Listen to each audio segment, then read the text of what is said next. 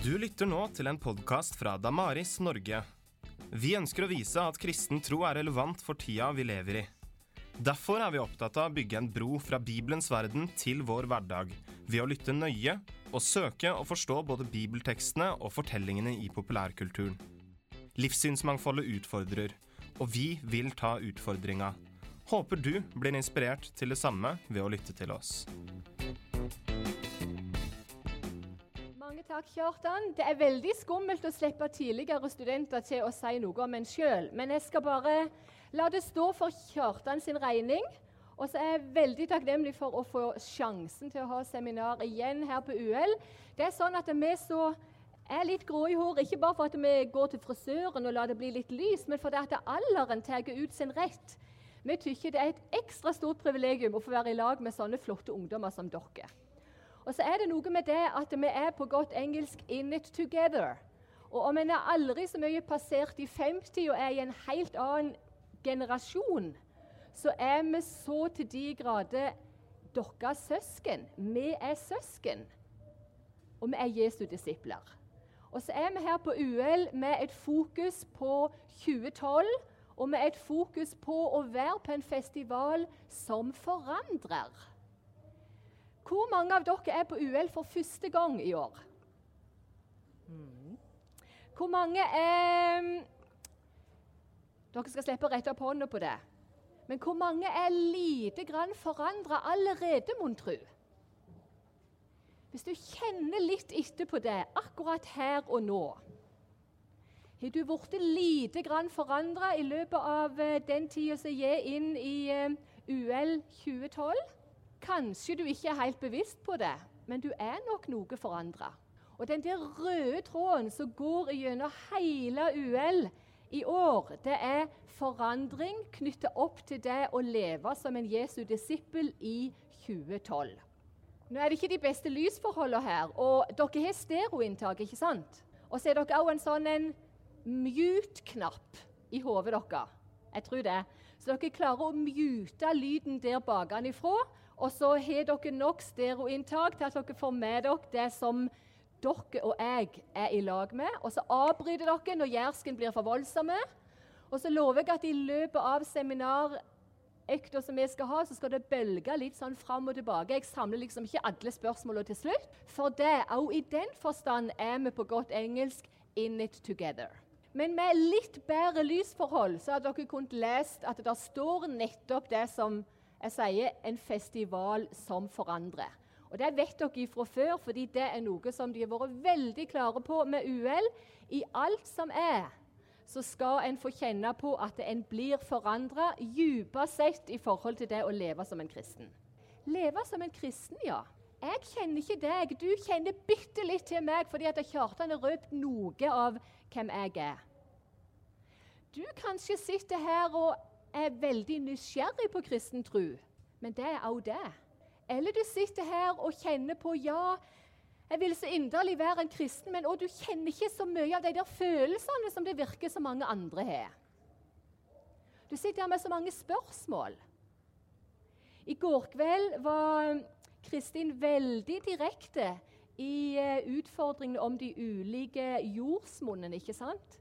Nå håper jeg at du det her denne ettermiddagsstunden og bare minner deg selv om at den aller viktigste forandringen som kan skje på denne festivalen som forandrer, det er at du for n-te gang, eller for første gang, kan få ta imot Jesu tilgivelse og oppreisning og bli heil og få komme hjem.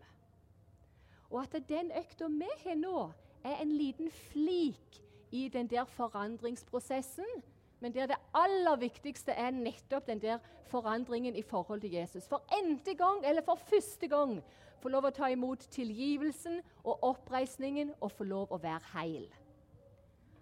Og du og jeg skal få være heil som Jesu disippel i ei tid som jo boltrer seg i alternative svar på det der spørsmålet hva vil det si å være disippel, hva vil det si å være heil? Nå vet ikke jeg om du var på Knut Tveitereid sitt eller sine seminar i går. Var det noen av dere som var det? om disippel. Ok, da kunne jeg med en gang fyrt løs med spørsmål og kunne fått lange, gode svar på hva en disippel er. Men jeg, eh, jeg har ikke lovt Knut at jeg ikke skal gjøre det, men det blir for dumt å gjøre det. Og det jeg velger å tro at alle umiddelbart tenker på med ordet disippel, det er det som kommer opp nå. ikke sant? Elev, lærling. Kjartan nevnte elektriker. For å bli elektriker så må du gå i lære.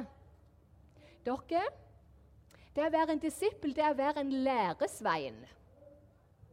Og tenk, alle dere jenter. I tidligere oversettelser sto det 'læresøster' og 'læresvein'. Forstår ikke hvorfor de har gjort læresvein til dekkende både for menn og kvinner, men nå er det nå en gang sånn. Læresvein, læresøster, en elev. Og for det andre en som imiterer. Og da ser dere, Dette tenker jeg er rett og slett viktig før vi hopper inn i den samtida som er så preget av populærkultur.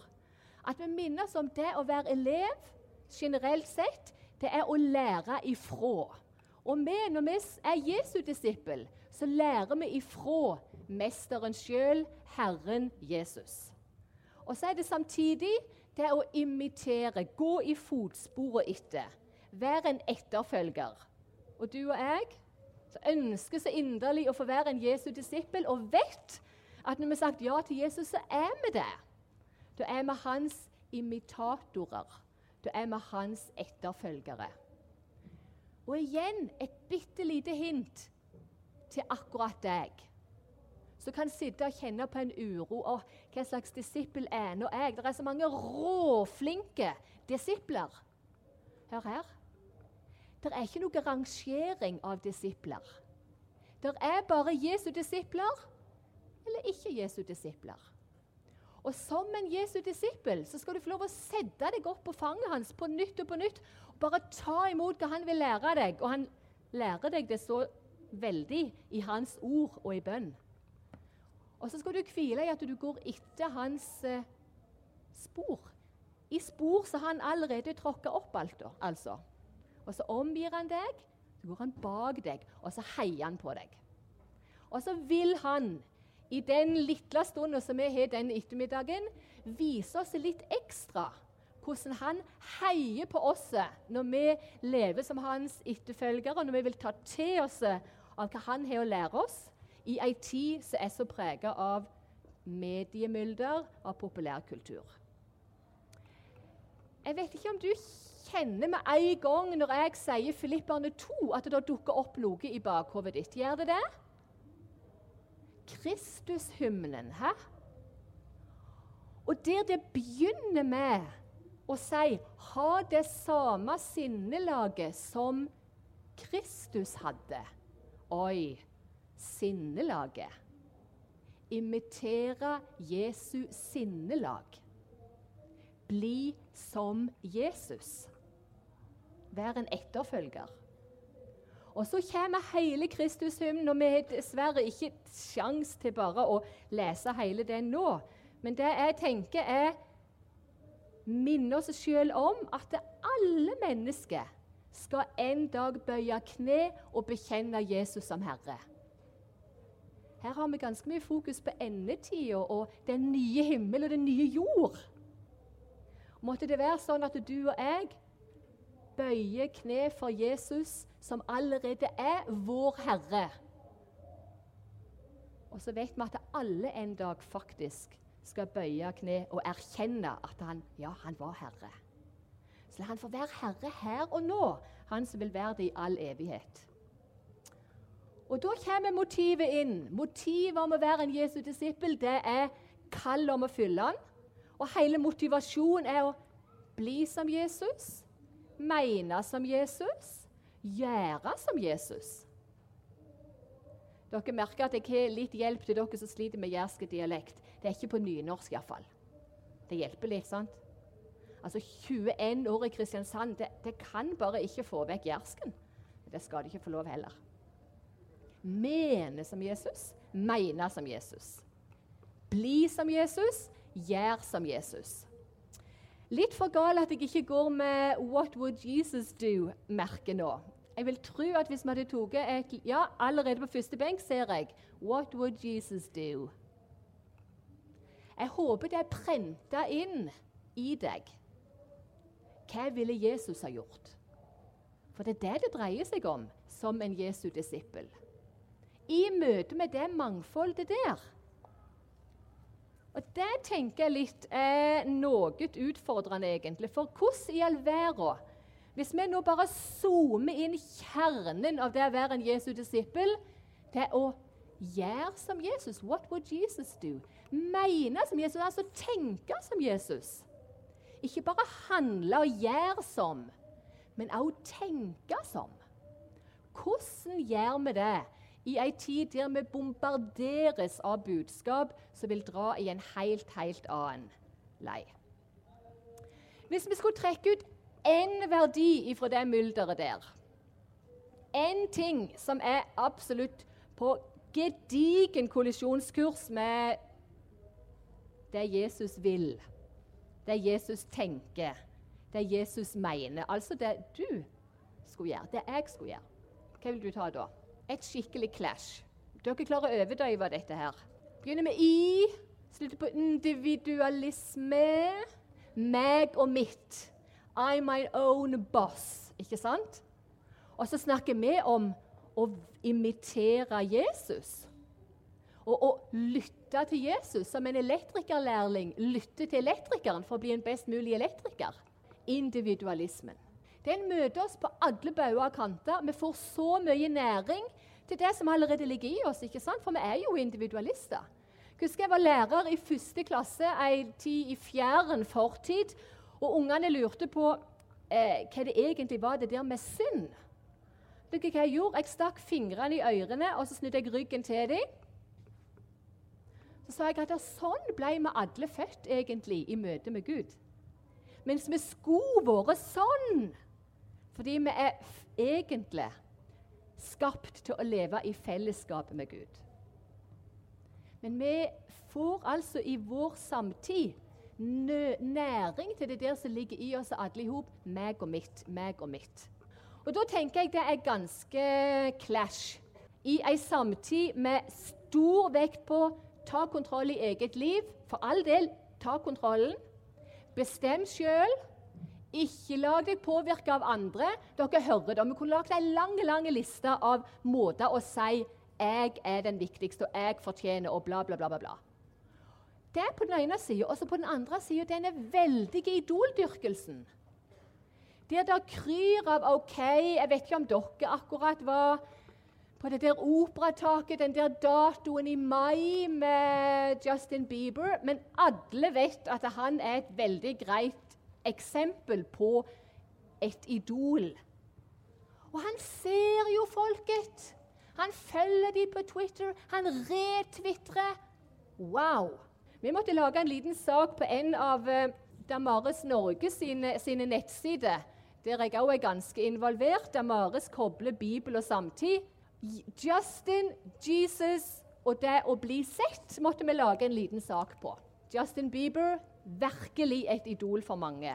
Eller Lady Gaga, som leier på toppen på Twitter-kurven i lang, lang tid, til og med høyere oppe enn han der er Obama. Og som står og sier fra scenen at dere som blir mobba, dere som sliter En dag vil dere stå og skinne på scenen akkurat som meg. Oi, oi. Da tenker jeg med en gang Er det noe mål å stå og skinne på scenen som Lady Gaga? Og så tenker jeg noe mer, og det gjør du òg. Herlighet. Det er jo bare falskneri. Det er slett ikke sant at alle kommer til å stå på scenen og skinne sånn som Lady Gaga. Og det er slett ikke sant at det er lykken i livet. At det er det viktige. At det er det som er å finne hvem en faktisk er. Så jeg tenker faktisk, og det tror jeg du òg gjør, og tror du henger med på det her For dere er så våkne, det ser jeg at det å være en Jesu disippel det utfordres veldig av individualismen i vår tid. ikke sant? Hvorfor i all verden skal du prøve å finne ut hvordan Jesus ønsker du skal leve livet ditt? Du skal jo bestemme sjøl. Og så, hvis vi zoomer inn idoldyrkelsen, så ser vi at idoldyrkelsen både utfordrer det å være en Jesu disippel, og bekrefter hvorfor vi alle i hop har behov for å imitere noen. Og Der kunne jeg tenkt meg å få et lite svar på. Hva er det som, Hvorfor bekrefter idoldyrkelsen det at du og jeg nødvendigvis må følge noen? Hvis vi hadde åpna boka på helt i starten, når det står hvordan Gud skapte, så avdekte vi med en gang at Gud skapte oss til å leve i fellesskap med seg. Men altså skapte til etterfølgelse. Og når det ikke er Jesus som får være den, så finner vi andre. Så Derfor tenker jeg at idoldyrkelsen både utfordrer og bekrefter det å være Jesu disippel. Og da tenker jeg Kanskje noen av dere sitter her og kjenner på å, egentlig er det sånn litt pliktfølelse, det der med å være som Jesus, bli som Jesus, mene som Jesus. Ikke minst fordi vi bombarderes med det der 'bestem sjøl' og 'gjør som du vil'. Og en liten sak til. Hvor mange ganger er det ikke sånn at vi får inntrykk av at det er vi, altså du og jeg, sjøl kan bestemme hva er det Jesus skal si oss? Hva mener egentlig Jesus? Når du sitter med båndet 'What would Jesus do?', så vil du gå til Bibelen og prøve å sjekke ut hva det egentlig Bibelen sier at Jesus ville ha gjort. Men i samtida vår blir vi bombardert med 'Å, jeg, jeg har min Jesus, du har din'. Jeg tolker Jesus sånn som jeg vil, og du tolker han sånn som du vil. Relativisme på fint. Vi kan få Jesus liksom til å mene og gjøre og si hva han vil. Dere, det må vi hjelpe hverandre til. What would Jesus do? Da må vi gå til kilden, til hva Bibelen faktisk sier. Og vi kan ikke lese inn noe i den biten. Men dere, det er ikke en plikt. Nei, det vet du, og det vet jeg at det er en misforståelse å tenke at det er en plikt å følge Jesus. Det er et privilegium. Det er å komme hjem, det er å bli heil. Å bli mer, stadig mer, den du var skapt til å bli. Og det er noe å ta med inn i eh, ferden og inn i presset.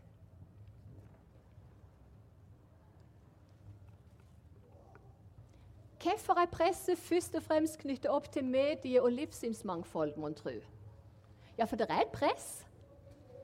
Når Jesus ba for sine disipler, sånn som vi leser det i Johannes 17, så ba han om at de måtte bli bevart. De var i verden, ikke av verden, men sendt til verden.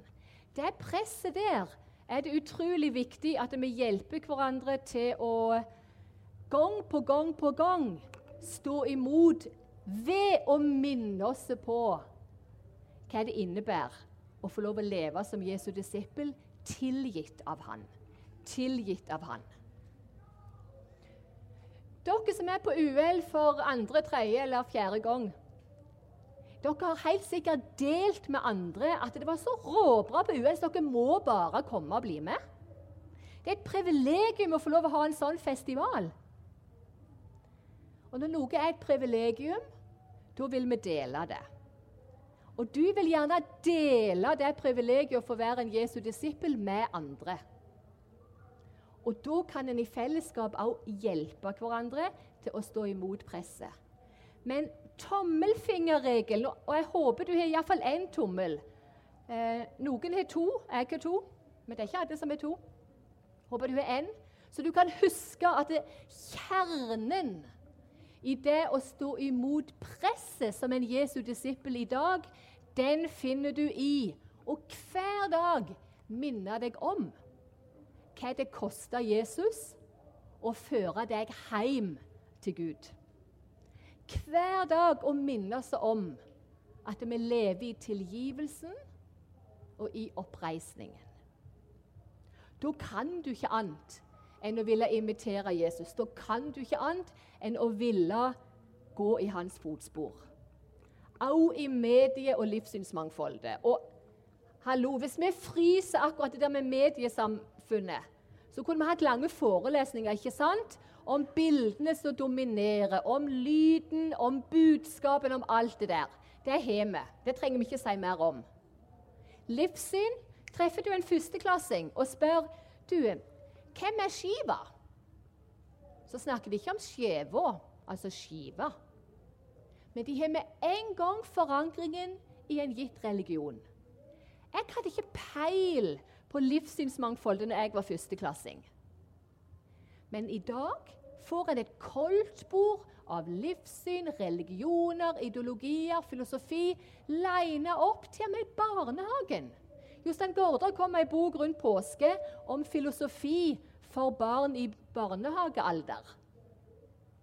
Livssynsmangfoldet lines opp, og vi får det først og fremst i denne herrene mediemylderet. Og derfor, folkens, så tenker jeg at vi må hjelpe hverandre som disipler til å huske på at det formidles mer enn det vi først legger merke til i den der eh, mylderet av eh, budskap i mediene. Og Derfor er det om å gjøre for meg at dere zoomer inn medier og livssynsmangfold og knyter dem sammen. Fordi at det er først og fremst gjennom mediene at det er verdier, holdninger, livssyn formidles i vår tid. Og de vil gi et skikkelig press i forhold til hva Bibelen sier er sant om mennesket, er sant om det gode livet, er sant om det å leve helt som en kristen. Å ja, OK. Har dere tatt sprøyter som eh, når vi skulle ta sprøyter på barneskolen? Har du tatt immunitetssprøyter, tror du? Veldig mange kristne som ikke-kristne tror at de har tatt ei immunitetssprøyte som gjør at de ikke blir påvirka i det hele tatt av mylderet i mediekulturen. Og nå plasserte jo Kjartan meg i verdenseliten. Det er jo, ja, Jeg skal ikke si mer om det. Men hvis vi går inn i verdenseliten av forskere, så finner vi unisont det er umulig å ikke påvirke. Så bare dra det inn. Vekk med den der tanken om immunitet. Vi kan ikke være immune. Alt påvirker på en eller annen måte. Enten du forandrer deg eller ei. Det var kanskje en liten sånn vekker, så du kan ta med deg inn i studievirkeligheten til høsten. For enten du forandrer deg eller ei i møte med en mediefortelling, så er det skjedd en påvirkning. Enten får du bekrefta, eller du får avkrefta. Uansett hvordan du tolker, så er det det samme som tolkes. Det skjer en påvirkning. Og når jeg sa at jeg håper du går ut fra dette seminaret og er forandra, så ønsker jeg inderlig at det enten er at du har fått bekrefta og forsterka noe av det du allerede har i deg, som det å leve som en disippel i vår samtid med all den populærkulturen, eller at du er blitt utfordra og lite grann forandra på Wow, det må skje noe med meg i mitt liv. Johannes 17 i verden, ikke av verden.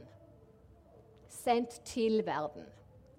Nå kan ikke jeg gå på lina, men altså Hvis jeg innbiller meg Ja, jo, sant? Det er litt sånn balansekunst, det der.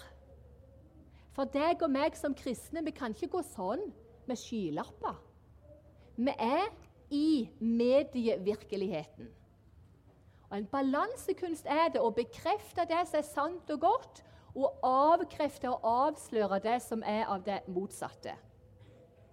Daniel, du kan lese, og Jeg anbefaler deg å lese Daniels bok og se hvordan han, når han kom til Babylon, omfavna alt som var sant og godt og rett, men wow, der går grensa. Dette går jeg ikke inn på. Dette kan jeg ikke være med på. Leve heil med integritet som en kristen.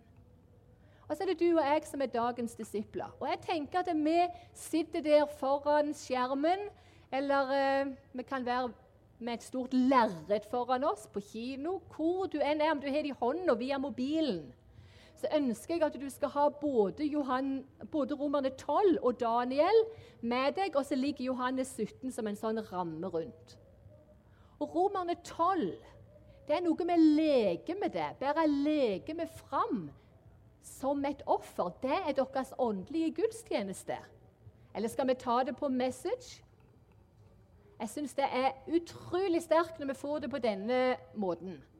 So here is what I want you to do. God helping you. Take your everyday, ordinary life, your sleeping, eating, going to work, walking around life, and place it before God as an offering. Wow, er ikke det skikkelig tatt på kornet? Livet ditt? Embracing what God does for you and the best thing you can do for Him. Don't become so well adjusted to your culture that you fit into it without even thinking. Oi, det treffer meg. Ikke bli så prega av denne verden at du bare blendes inn uten å tenke. Blend inn. Da er vi av, ikke i verden, hvis vi går tilbake til Johannes 17. Instead, fix your attention on God. You'll be changed from the inside out. Readily recognize what He wants from you and quickly respond to it. Unlike the culture around you, always dragging you down to its level of immaturity, God brings the best out of you, develops well formed maturity in you. Ser du forskjellen? Hvis ikke du har denne bibeloversettelsen 'message', så han er nok ikke til salg her, men det er enkelt å få fatt i han. Jeg anbefaler han varmt. Du ser hvordan han taler med litt annet språk rett inn i hverdagen. Og så har du din vanlige bibel ved sida, og så får du det så utrolig klart for deg. Hva innebærer det? Og når vi sier at Romerne 12 på en helt spesiell måte utfordrer oss i å leve som en Jesu disippel i vår tid, så er det nettopp fordi hele livet vårt er Jesus interessert i, og hele livet vårt er der som en Jesu disippel. I en sang som, syng, så heter det Herre, du leder meg, Herre, du fører meg, Herre, du leder meg. hvorhen og hvordan det tjener meg best. Og Jeg tror mange av oss tenker at det egentlig står hvorhen og hvordan det tjener deg best. Altså der det tjener Gud best. Der vil jeg gå. Men vet du hva? Det tjener også deg best. Vi skal ta en liten dypp inn i fire ungdommer sitt liv. Og så skal vi se litt på hvordan de forholder seg til populærkultur og det å være en Jesu disippel. Skal vi se, Kanskje du kjenner deg igjen litt her og litt der. Jeg kjenner meg igjen litt her og litt der. Så vil jeg tro at eh, kanskje du etterpå finner ut at du får lyst å bli mer kjent på de fire eller tilsvarende. Jeg et råbra tilbud, en hundrings for denne boka her. Enten gir du meg en hundrings med en gang, eller så får du en faktura i posten. Jeg har mange bøker her framme. På engelsk, og Det er sikkert umulig å lese, Kjartan. Er det mulig å lese hva det står på engelsk? Ok, Kan du si det høyt? Ok. Disippel foran TV, så På engelsk heter det 'Get more like Jesus while watching TV'. Tenk så bra hvis Lunde Forlag og Damaris Norge hadde gitt ut boka med tittelen 'Bli mer som Jesus når du, når du ser på TV'. Men det ble litt drøyt, syns enkelte, så derfor så ble det 'Disippel foran TV' isteden. Men det er ganske utfordrende. Bli mer som Jesus når du ser på TV eller film eller hva det er. Da altså er vi elev, lærling til Jesus hele tida og spør hvordan ville Jesus sett på dette? Hvordan vurderer han det? Hvem er meg? Og i neste omgang hvordan skal jeg følge etter? Og Tor han ser TV og film som tidsfordriv. Underholdning. Det er bare det, tenker Tor. Han kobler ut tankene. 'Å, herlighet.' Det er akkurat som du når du bare er så sliten etter en lang dag med studier og ø, klasserom. Og bare roer ned og finner en eller annen serie som går på fjernsyn, eller setter inn den DVD-en eller laster ned den filmen, og skal bare slafe den. sant? Og tenker TV bare tyggegummi for øynene. Det gjør meg ingenting. Jeg bare slapper av. Kjenner du deg igjen? Mange kjenner iallfall andre igjen. Og så på slutten så sier han egentlig så møter jeg ureflektert det som eh, blir formidla. Jeg, jeg, bryr meg egentlig ingenting, fordi jeg har jo tatt ei immunitetssprøyte. Jeg blir ikke påvirka. Det er bare underholdning. Tenk dere, Nå er vi inne i Tor sin måte å møte det hele på. Og så Plutselig så har Tor eh, av en eller annen mystisk grunn havna på Sex and the City. Og nå er du Tor, og så lytter du til hva som blir sagt. Og så tenker du hvis han ureflektert bare ser på dette, hva muligens kan det gjøre med han?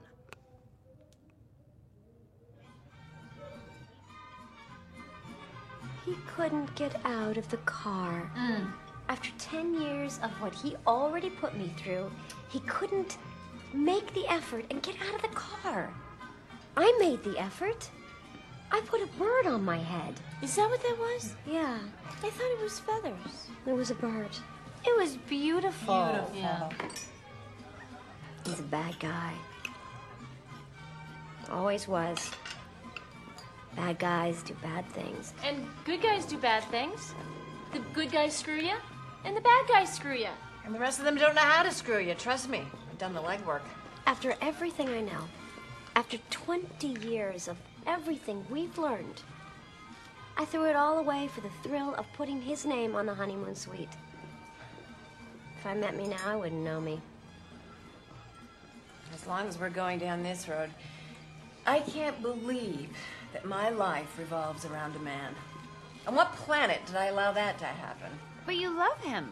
Does that mean saying his name 50 times more a day than I say my own? Does it mean worrying about him and his needs before me and mine? Is it all about the other person? Is that love? No, that's marriage. Even this ring.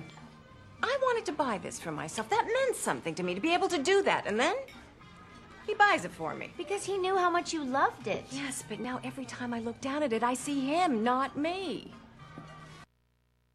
Jeg var nok litt ironisk og sa at av en eller annen mystisk grunn så hadde Thor forvilla seg inn på Sex and the City, for jeg vet ganske mange mannfolk er litt hekta på den serien. Det var en parentes.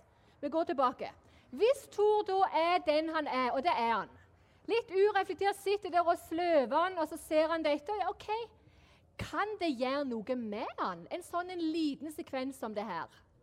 Hva er det som er hovedutfordringen for en Jesu disippel av det som formidles her? Si det til naboen din. Så kan jeg høre en eller to etterpå. Hva vil du si er hovedutfordringen? Hva er størst clash i forhold til det å leve som en Jesu disippel og det som eh, samtalen dreier seg om her? Og det er nå jeg liker klasserommet så mye bedre. For da kunne jeg bare fått en skikkelig dialog med så mange. Men dere har god stemme. Kan ikke en bare si 'Det snakket vi om'?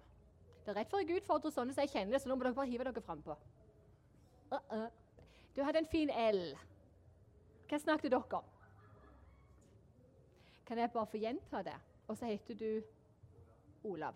Olav sa at de snakket om at det her går det jo bare på å tenke på seg sjøl. Og hvis en skal ja, Dere sa ikke akkurat, sa dere akkurat sånn, men det å gi inntrykk av å bry seg om andre, det er bare en kjip ting. Sånn var det dere sa det. Det var gyselig godt sagt. Det er liksom kjipt å tenke på andre. Det er jeg som står i sentrum. Jeg skal tenke på meg sjøl. Meg og mitt. Mm. Så er det jo dratt så langt ut. da, sant? Jeg hadde en lærer som sa vi må sette ting på spissen, for da står det bra. Det er jo dratt helt til sin ytterste konsekvens. sant? Even this ring. ikke sant? Jeg ville kjøpt den sjøl, og så kjøper mannen den til meg. Det er jo helt tragisk, for da ser jeg han og ikke meg. Jeg mener, Det er noe voldsomt hvor langt den skal dra det. Du får lov å kjøpe ring til dama. Det er helt lov. Men det jeg tenker i forhold til Tor og deg og meg, det er at dette budskapet Det var veldig bra dere zooma inn dette. Det får vi i ulike innpakninger på nytt og på nytt og på nytt. Om det er musikk rett inn på øret, om det er i TV-serier, film, teaterstykker, bøker, glossy papers Vi må jo si det på engelsk, så har vi det litt lenger ifra. sant? Alle disse magasinene. Hele tida får vi sånne budskap inn. Vi er igjen i individualismen. Meg og mitt, ikke tenke på andre. Og det er noe med det, Dere skal ikke få mye dose fagstoff, sånn, men det ligger der som en understrøm i alt vi gjør. At hele det mylderet av medier, populærkulturen, speiler på et vis det samfunnet det er med på å forme. Det er en sånn vekselvirkning der. Så når Tor tror at det er bare tyggegummi for øynene, og det skjer ikke noe her, så er det en fadese i hans liv. Fordi han får stadig input av stemmer som sier det stikk motsatte av 'elsk din neste som deg selv'.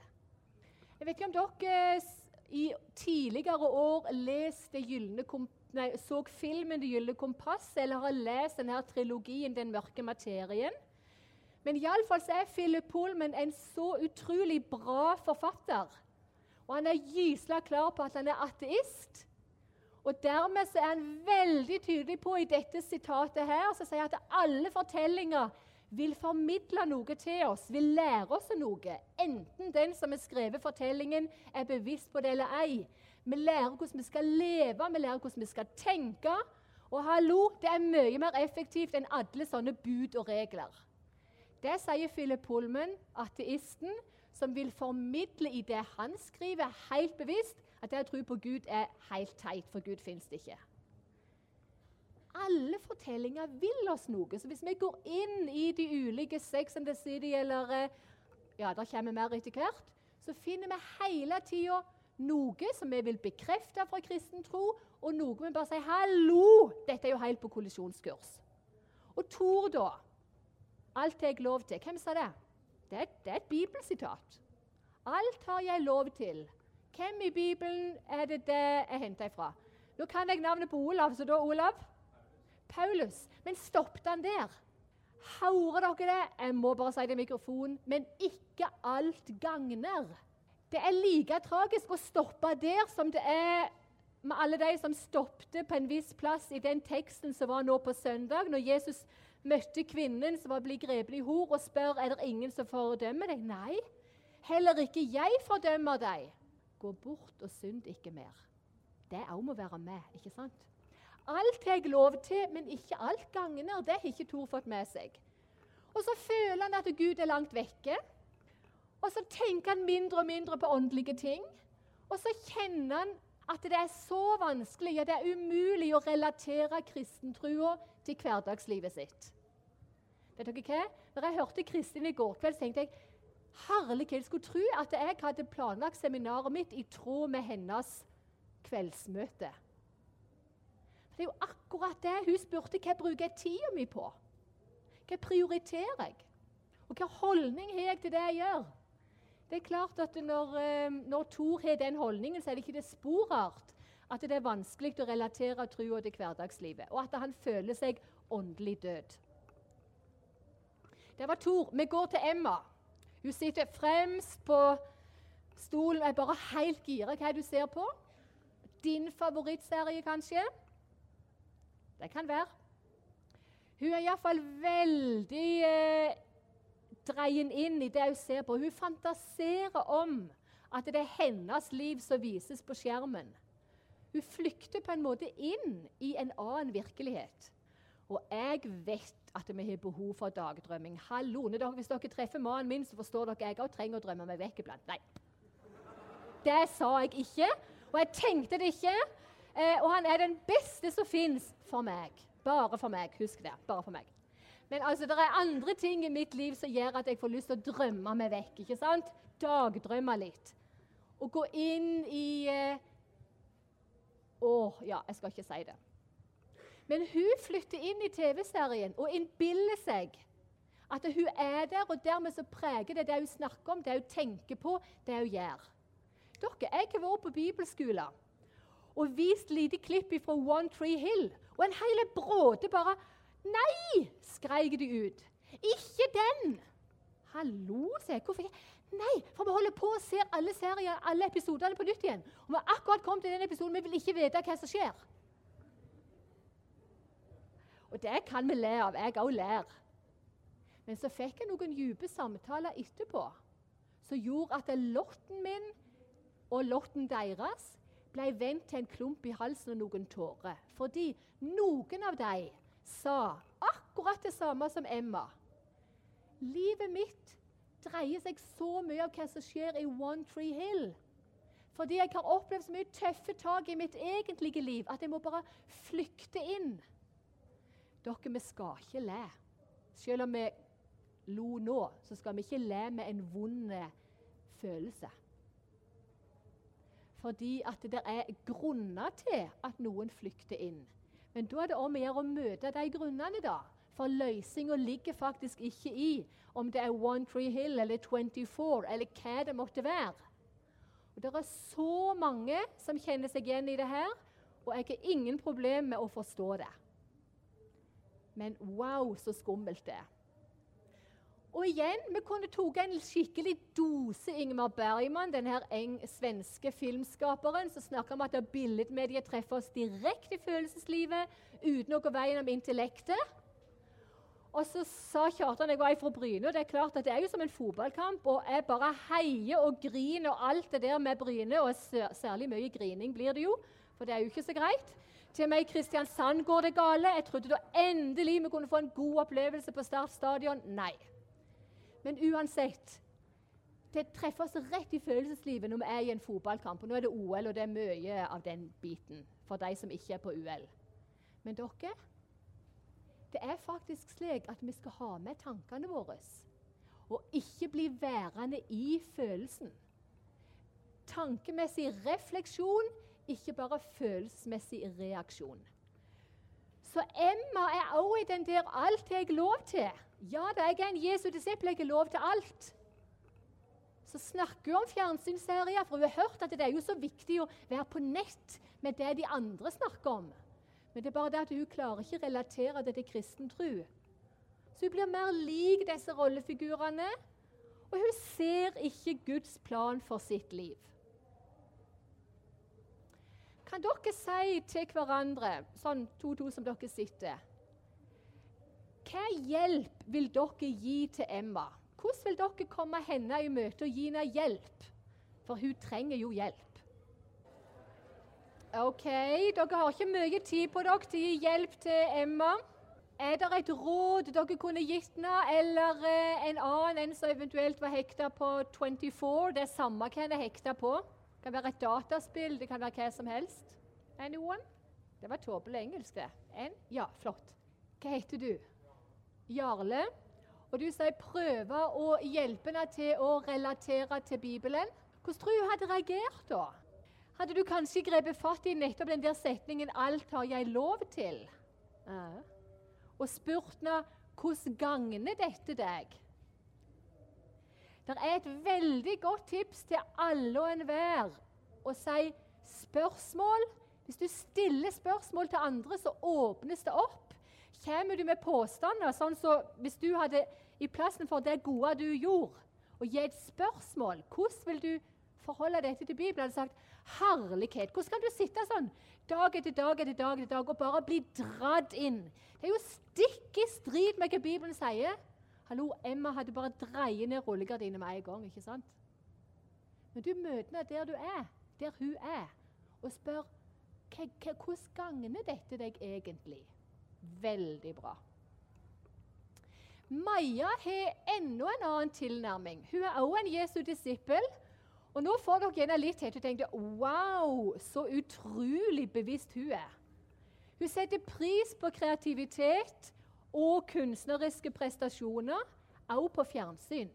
Hun må være litt sånn, litt sånn gira på det kreative. Tror dere ikke det? Kanskje hun gir medier og kommunikasjon på videregående. Kunst og håndverk. Ser kunsten. Ser det nydelige. Og så kjenner hun på at ja, men det er jo Gud som har skapt oss i sitt bilde. Han var kreativ og er kreativ. Vi er kreative, og vi skaper så mye fint. Og det skal vi nyte. Men så er hun så bevisst denne Maja at hun vet at det samtidig som vi skal nyte det vakre, så var det et syndefall en gang. Og det syndefallet preger også kunsten. Litt sånn som uh, denne her illustrasjonen. Det er to sider ved virkeligheten. Det er kultur som er bare yes! Mennesket er skapt i Guds bilde, og kulturen er fantastisk. Og det er jo kultur vi snakker om. Populærkultur. Film, musikk, TV. Og så er det ei annen side. Syndefallet har også sett sitt merke her. Og kulturen kan være 'terrible', som det står her på engelsk. Det er Maja klar på. Og jeg syns det er nydelig. å tenke at wow, jeg håper det er mange Majaer her som, når de ser dette klippet, kan verdsette det vakre, det nydelige, det fantastiske, og samtidig kan si dette er absolutt på kollisjonskurs med hva Bibelen sier. Er dere klar for det? Er vi en Maja nå? Alle Maja? Greit. Interessant. Et møte med stumfilmen. Men dere kunne lese, ikke sant? Og Dere fikk med dere prestekona som kom hjem i den vakre filmen 'Så som i himmelen'. Hadde vært på menighetshuset, hadde dansa og hatt eh, god, en god kveld, sånn som hun opplevde det. Og så har hun en diskusjon med presten sin mann. Og så blir det sagt noen veldig veldig viktige ting. Nå er du Maja, og da bekrefter du det som er sant og godt og rett. Og så utfordrer du det som er på kollisjonskurs. Vær så god. Jeg ga oss eh, en liten uh, sak rett bak her, for vi kan jo rett og slett bare spørre sånn Hva verdier vil vi bekrefte? Hva er sånn type tilknytningspunkt for å snakke om Jesus her, og for å si noe av det som Bibelen faktisk formidler?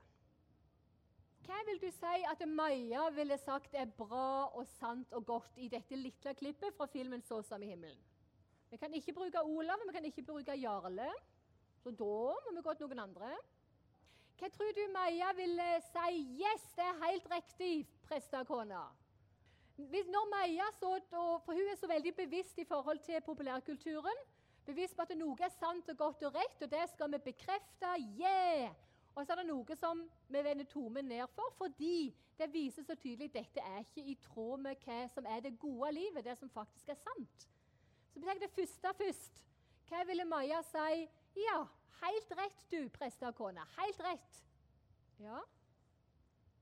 Men når presten sier at du har synda i menighetshuset, for du har danst Er det sant? Nei. Og Da kan en få en god dialog om hva synd faktisk er for noe. Og Det med livsutfoldelse og det å omfavne livet, det er en del av det å være en kristen. Nå snakker vi ikke om uh, nødvendigvis dans, vi snakker om de ulike tingene. Men hva er det hun sier, hun godeste prestekona som bare vi er nødt for å arrestere i første sving, men som er sånn et ekko av mye av det vi hører i vår samtid? Dere hørte jo ikke hva hun sa, men dere kunne lese det. Det fins ingen synd. Det er kirken som har funnet opp den der synden. Det er altså svensk film. Jeg trenger jo ikke prøve meg på svensk på det. Det fins ingen synd. Det er kirken som har funnet opp den der synden. Gud tilgir ikke, for Gud har aldri fordømt. Hører dere ekko av mye av det som populærkulturen vil si? Du bestemmer sjøl hva som er sant og godt og rett. Du bestemmer hva som er synd og ikke. Det er ingenting som er synd i seg sjøl. Gud er jo bare kjærlighet. Har dere hørt den før? Ja. Og som en Jesu disippel så må vi vaske ørene og være bevisst så vi hører det når det budskapet kommer, for det kommer om igjen og om igjen. Og Maja vil midt i alt det vakre i denne filmen og alt det som er sant, om hvordan en i mange kristne menigheter har hatt et misforstått syn på hva synd er, så må en være tydelig på at det faktisk det er noe som er synd. Og Det er å leve i, med ryggen til Gud og med fingrene i ørene og være vendt imot han, ikke til han. Så hele tida vil Maja være der som er inderlig, og det er ikke noe bombe at jeg slipper den nå ønsker at du skal være som Maja. Så våg å bekrefte alt som er sant og godt, og verdsette det. Og finne tilknytningspunktet og peke på at det er jo fordi Gud har skapt alt. Fordi Jesus vil det beste for ditt liv og for alles liv. At det trua på Han du er heil. Det skal bekreftes. Men alt som drar i den andre enden, det må avkreftes. Så Maja hun bekrefter det gode og avviser det dårlige. Hun ber mens hun ser. Har du noen gang gjort det? Har du noen gang i møte med en episode på din favorittserie eller i møte med en film bitt til Jesus på forhånd sier Jesus, nå må du hjelpe meg til å bli mer lik deg når jeg ser dette. Til å lære meg noe gjennom dette. Vis meg mer av hvem du er, og hvordan du vil jeg skal leve. Vet du hva? Hvis du våger å be før og mens du ser, da vil du gang på gang innse at det er en fjernkontroll her som kan bruke av-knappen på. Det kan reise seg og gå ut fra kinolokalet. Fordi det er mange ganger det er så mye av det negative at uansett hva du finner av det positive, så vil det bare ikke veie opp, og det blir så tøft. Der er vi også individuelle. Husk det. Men be mens du ser. Blir mer bevisst og takknemlig. Det blir hun. Og hun lever nærmere Gud. Maja, røpt for lengst, er en sånn rollemodell for meg. Og hun blir mer lik Jesus. En Jesu disippel. Kristian òg er litt sånn Å, yes! Han er hakket mer frimodig enn Maja. Han er liksom helt der framme og står og tenker jeg skal se TV, film, for å kunne dele Jesus med de jeg går på skolen med. Jeg er en sånn disippel som er bare sånn å, det er et stort privilegium, så jeg bare må dele det. Da må jeg vite hva som opptar deg. Så han leter etter typiske holdninger, verdier, hva det er i de seriene som guttene i hans gjeng er gira på. Og jentene, for den saks skyld. Og så vil han knytte an til det. Han leter etter hendelser, han leter etter bilder, han leter etter setninger som går på de store spørsmåla. For han vet at det, det, er i kinosalen, det er foran TV, at det er veldig mange unge i dag egentlig møter de store spørsmåla i livet, og de finner noen svar. Spørsmålet er bare hva det svaret og de svarene går ut på. Så når Kristian var og så denne filmen her Noen som har sett Invictus? Ja. Dere har hørt om filmen, kanskje, for om ikke du har sett den. Nelson Mandela etter apartheid. Rugby som er blitt sett på som holde ned de svarte. Snu det til å omfavne det nye Sør-Amerika Nei, Sør-Afrika. Unnskyld, unnskyld, unnskyld. Sør-Afrika.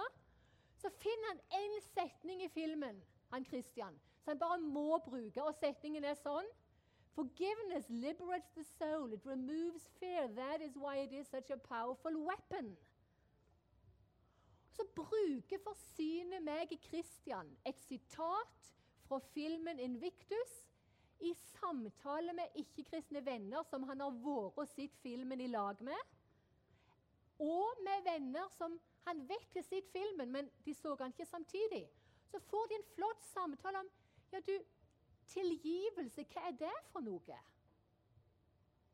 Hva kraft er det i tilgivelsen, i kjærlighet? Ja, hvordan kan det ha seg? Trenger du tilgivelse? Jeg trenger tilgivelse. Det er en som tilga alt. Og så hører du hvor samtalen går, gjør du ikke det? Jeg håper du har hatt noen sånne samtaler. Med utgangspunkt i det som opptok den som du ville dele hva det vil si å være Jesu disippel med. Kristian han kan engasjert delta i samtaler med vennene på det som gikk på fjernsyn i går. Den filmen osv. osv. Han henger med dem. Og han formidler evangeliet på et forståelig språk. Han snakker ikke sånn at du må ha vært i kirke og bedehus i 15 år for å henge med. Eller gi på en kristen skole fra 7. klasse til 3. gym.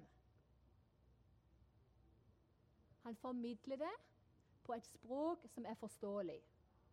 Og du og jeg som har gitt på en kristen skole fra 7. klasse og langt oppover, vi òg kan formidle evangeliet i et språk som de forstår.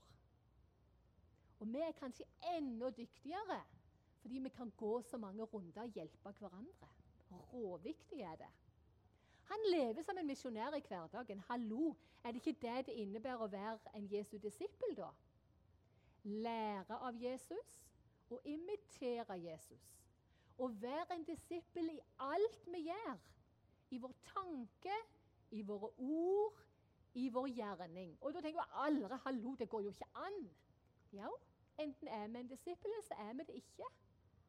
Det er derfor du merker at jeg så tydelig ville forankre alt i vår daglige behov for tilgivelse og oppreisning.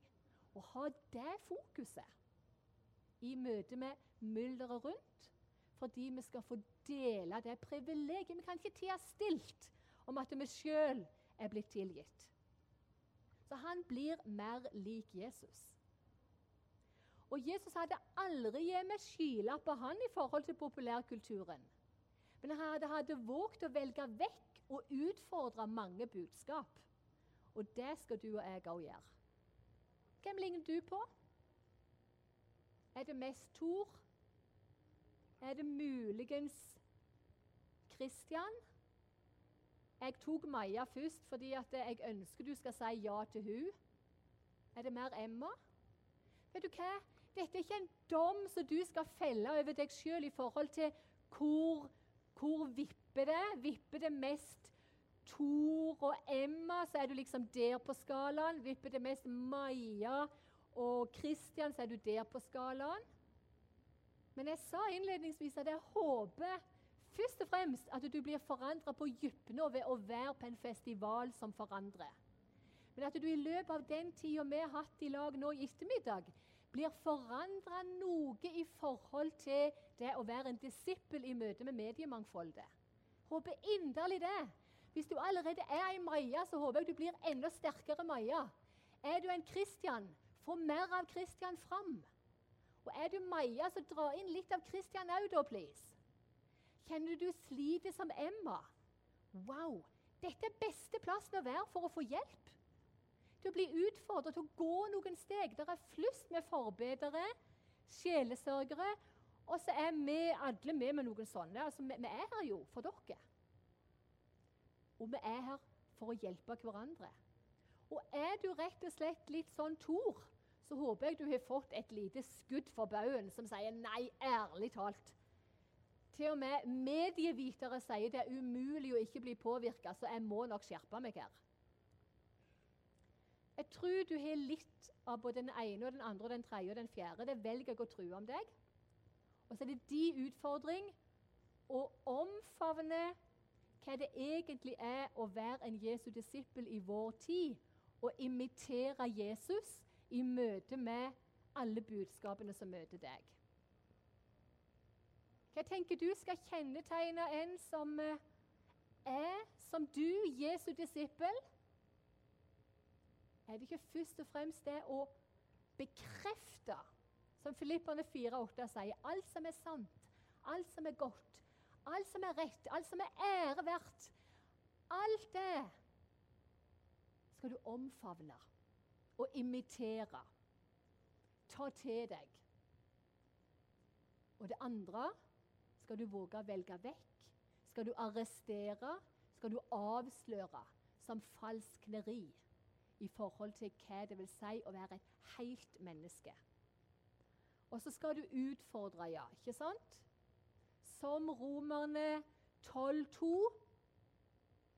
og som det står mye om i Galaterne. Og bruk gjerne denne message-utgaven, som så tydelig sier at alt du er, alt du gjør, legg det fram for Jesus. Det er det Romerne 12 sier. Legg det fram, og la det være din åndelige gudstjeneste. I Damaris Norge-sammenheng Du kan ta med noen brosjyrer om du vil, eller du kan bare huske snakkomtro.no. om tro.no. Så får du kjempemye hjelp til nettopp det å imitere og gripe fatt i populærkultur og dele det med de du har rundt deg. Og på Kulturvinduet, som er en sånn gratis ressurs, så nå legger vi ut en sak i kveld om den siste Batman-filmen, så finner du noe der som du kan bekrefte, og sånn kan du dele. Men først og fremst så tenker jeg at du er her på UL med fokus på 2012, med fokus på hva det innebærer å leve som en kristen, som en Jesu disippel i 2012. Og så er du i 2012, i denne verden, og du er sendt til denne verden. Du skal ikke være prega av denne verden. Og Da trenger du å få leve nær med Jesus. Og han vil prege deg. Han vil lære deg. Han vil vise deg den vei du skal gå, òg i møte med mylderet som omgir deg. Og det er en veldig god hjelp å bl.a. droppe inn i denne her Disippel foran TV-boka og bli litt mer kjent med de fire typiske holdningene og utfordres på hva det innebærer å være i bønn og i en bevissthet om å være en Jesu disippel, òg når du sitter etter en lang dag og bare vil slafe han foran TV-skjermen. Blir du så provosert nå at du bare må fyre løs et spørsmål av det, så er det kjempebra. Har du andre spørsmål, så er det like bra. Ordet er ditt. Tenker du om noen ja, Jeg må gjenta spørsmål. Om, om noen er blitt kristne igjennom det å bevisst forholde seg til populærkulturen Det er mange, mange eksempler i mitt liv på at eh, folk er blitt utfordra og overraska av at eh, Oi, har Bibelen noe å si om dette? F.eks. hvis jeg viser et klipp fra Sex and the City, sånn som det vi så. Og sier Bibelen egentlig noe om livsutfoldelse, sånn som i det klippet fra Så som i himmelen? Og så tror nok jeg vi må minne hverandre på, akkurat som denne metaforen med hva er det for et slag som knuser steinen? Sånn? Hvis du ser for deg en steinhogger, er det det første, det siste? Nei, det er hver enkelt. Det er summen av de. Så jeg er ikke i tvil om at for noen så er det akkurat det som skal til. At de utfordres midt i populærkulturen med Hør, Jesus sier noe om dette, som Invictus. Jesus er den som virkelig tilgir. Det er derfor vi kan snakke om at det, i mellommenneskelige relasjoner så er det en veldig kraftig tilgivelse. Det er fordi det var en som fullt og helt tilga. Ikke sant? Så jeg kan ikke line opp mange her og si at alle er blitt kristne fordi at jeg har brukt denne tilnærmingen til å dele evangeliet. Men at det er veldig, veldig mange som har fått et steg i den retningen i mitt liv og i andre som jeg kjenner, ikke minst i Damares England-sammenheng, som har brukt dette veldig bevisst lenge. Så er det viktig at vi er den vi er, og møter de vi er rundt oss, der de er. Og Du er kanskje veldig gira på musikk. Da skal du være bevisst på det. Andre er veldig gira på sport. Da skal jeg være bevisst på det. Det er budskap i alt. Andre kommentarer, spørsmål? Det der det skiller, kan jeg stille dere? Det der skiller mellom å nei, sånn som Tor. Hvorfor er det så mange som tenker som Tor, tror dere? Jeg er kristen, men nå ser jeg film. Jeg er kristen, men nå skal jeg slappe av med noe musikk. Hvorfor er det så mange som vil tenke som Tor? Kan én svare meg på det? Det ville vært så godt. Mye enklere, ja. Jeg tror du har gysla rett i det. I, for i utgangspunktet så virker det jo så enkelt. Men det råskumle er at det er jo på en måte begynnelsen på en sånn nedoverbakke. Jeg har møtt det tidligere òg. Ja, det er mye enklere. Og så har jeg møtt noen som sier ja, men hallo, jeg er jo så kristen at alt bare preller av. Hva skal jeg si da? Hjelp meg. Jeg er jo så kristen, bare preller av meg. Det gjør ingenting. Hvorfor skulle Jesus da være bevisst det? Hvis at det preller av på deg, liksom? Så det er to grøfter. Det ene er det der det, 'Å, jeg er så bevisst', det bare preller av. Og det andre er det er jo bare underholdning. sant? For den der som sier det preller av, den vil vedkjenne seg at ja, det vil gjøre meg noe, men det får ikke lov, fordi jeg er så gysla bevisst. Og den andre vil si, sånn som du indikerer Det er mye enklere å si det, det påvirker jo ikke. Det er jo bare underholdning. Kan vi hjelpe hverandre dette? her, tror du? Tror dere dere kan gå hjem i hverdagen og hjelpe hverandre uten å bli stempla som en sånn åh, partykiller? For det er jo det. Å, du er sånn superkristen, du. Herlighet. Går det an? Kan vi gi hverandre et løfte på at vi hjelper hverandre til å leve som Jesu disipler i møte med mediemylderet? Er det mulig? Ja, for dere, Hvis ikke det er mulig, da kan det ikke være mulig å være Jesu disippel i 2012. For det omgir oss jo på alle bauger kanter. Jeg vet det er mulig, og jeg ønsker dere all mulig velsignelse. Og den mulige velsignelsen er det bare Gud som kan gi. Og Derfor vil jeg be den ned over dere og meg sjøl nå. Ja, Herre Jesus, det vil jeg så inderlig at du er her med din velsignelse, med din kraft med din tilgivelse og med din oppreisning. Jeg ber for hver enkelt av disse flotte ungdommene som så inderlig gjerne vil være med hele seg hos deg og vil leve med integritet som dine. Gå med de, du som går foran og bak og omgir de med din nåde, din kjærlighet og din oppreisning. La de få lov å kjenne at det blir mer lik deg, tenke mer som deg, gjøre mer som deg. Òg i møte med mediemylderet som omgir de på alle kanter. Amen. Takk for at du lyttet til denne podkasten fra Damaris Norge. Du finner flere ressurser fra Damaris på snakkomtro.no, kulturvindu.no og konfirmantonline.no.